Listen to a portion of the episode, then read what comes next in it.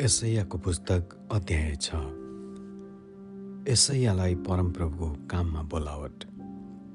उज्जिया राजा मरेको वर्षमा मैले परमप्रभुलाई अग्लो र उच्च सिंहासनमा विराजमान हुनुभएको देखेँ। उहाँको वस्त्रको छेउले मन्दिरै ढाकेको थियो। उहाँको मासतिर सराफहरू खडा थिए। प्रत्येकका छ छवटा पखेटा थिए। दुईवटा पखेटाले तिनीहरूले आफ्नो मुख ढाकेका थिए दुईवटाले आफ्ना खुट्टा ढाकेका थिए र दुईवटाले तिनीहरू उड्दै थिए अनि एउटाले अर्कोलाई यसो भन्दै तिनीहरू पुकार्दै थिए सर्वशक्तिमान परमप्रभु पवित्र पवित्र पवित्र हुनुहुन्छ। सारा पृथ्वी उहाँको महिमाले भरिपूर्ण छ। तिनीहरूका स्वरले ढोकाहरू र जगहरू हल्ले र मन्दिर धुवाले भरियो।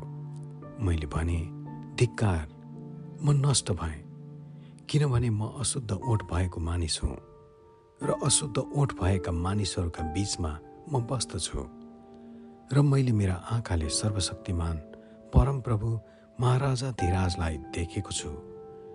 तब चिम्टाले बेदीबाट आगोको भुम्रो हातमा लिएर सराफहरूमध्ये एकजना म कहाँ उडेर आए। तिनले मेरो मुख त्यस भुङ्रोले छोएर भने हेर यसले तिम्रो ओठ छोएको छ। अब तिम्रो अधर्म मेटियो र तिम्रो पापको प्राश्चित भयो। तब मैले परमप्रभुको यो आवाज सुने म कसलाई पठाउँ र हाम्रा निम्ति को जाने?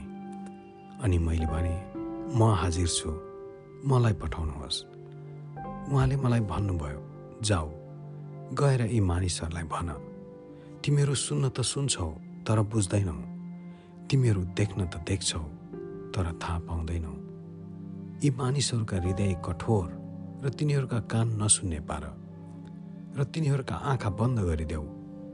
नत्र त तिनीहरूले आफ्ना आँखाले देख्लान् र आफ्ना कानले सुन्लान् र तिनीहरूका हृदयले बुझ्लान् र फेरि फर्केर तिनीहरू निको होलान् तब मैले भने हे परमप्रभु कहिलेसम्म? र उहाँले भन्नुभयो जबसम्म सहरहरू विनाश भएर बासिन्दा बिनाका हुँदैनन् र घरहरू निर्जन हुँदैनन् र खेतहरू चाहिँ ध्वंस र नष्ट हुँदैनन्। जबसम्म परमप्रभुले हरेक मानिसलाई टाढा पठाउनुहुन्न र पूर्ण रूपमा देश परित्याग गरिँदैन अनि यदि देशमा दसौँ भाग रह्यो भने त्यो फेरि पनि उजाड पारिनेछ। तर जसरी तारपिन र फलाटका रुखहरू काटेर ढाले तापनि ठुटो चाहिँ रहिरहन्छन्। त्यसरी नै त्यस देशमा पवित्र बिउ चाहिँ ठुटो हुनेछ। आमेन।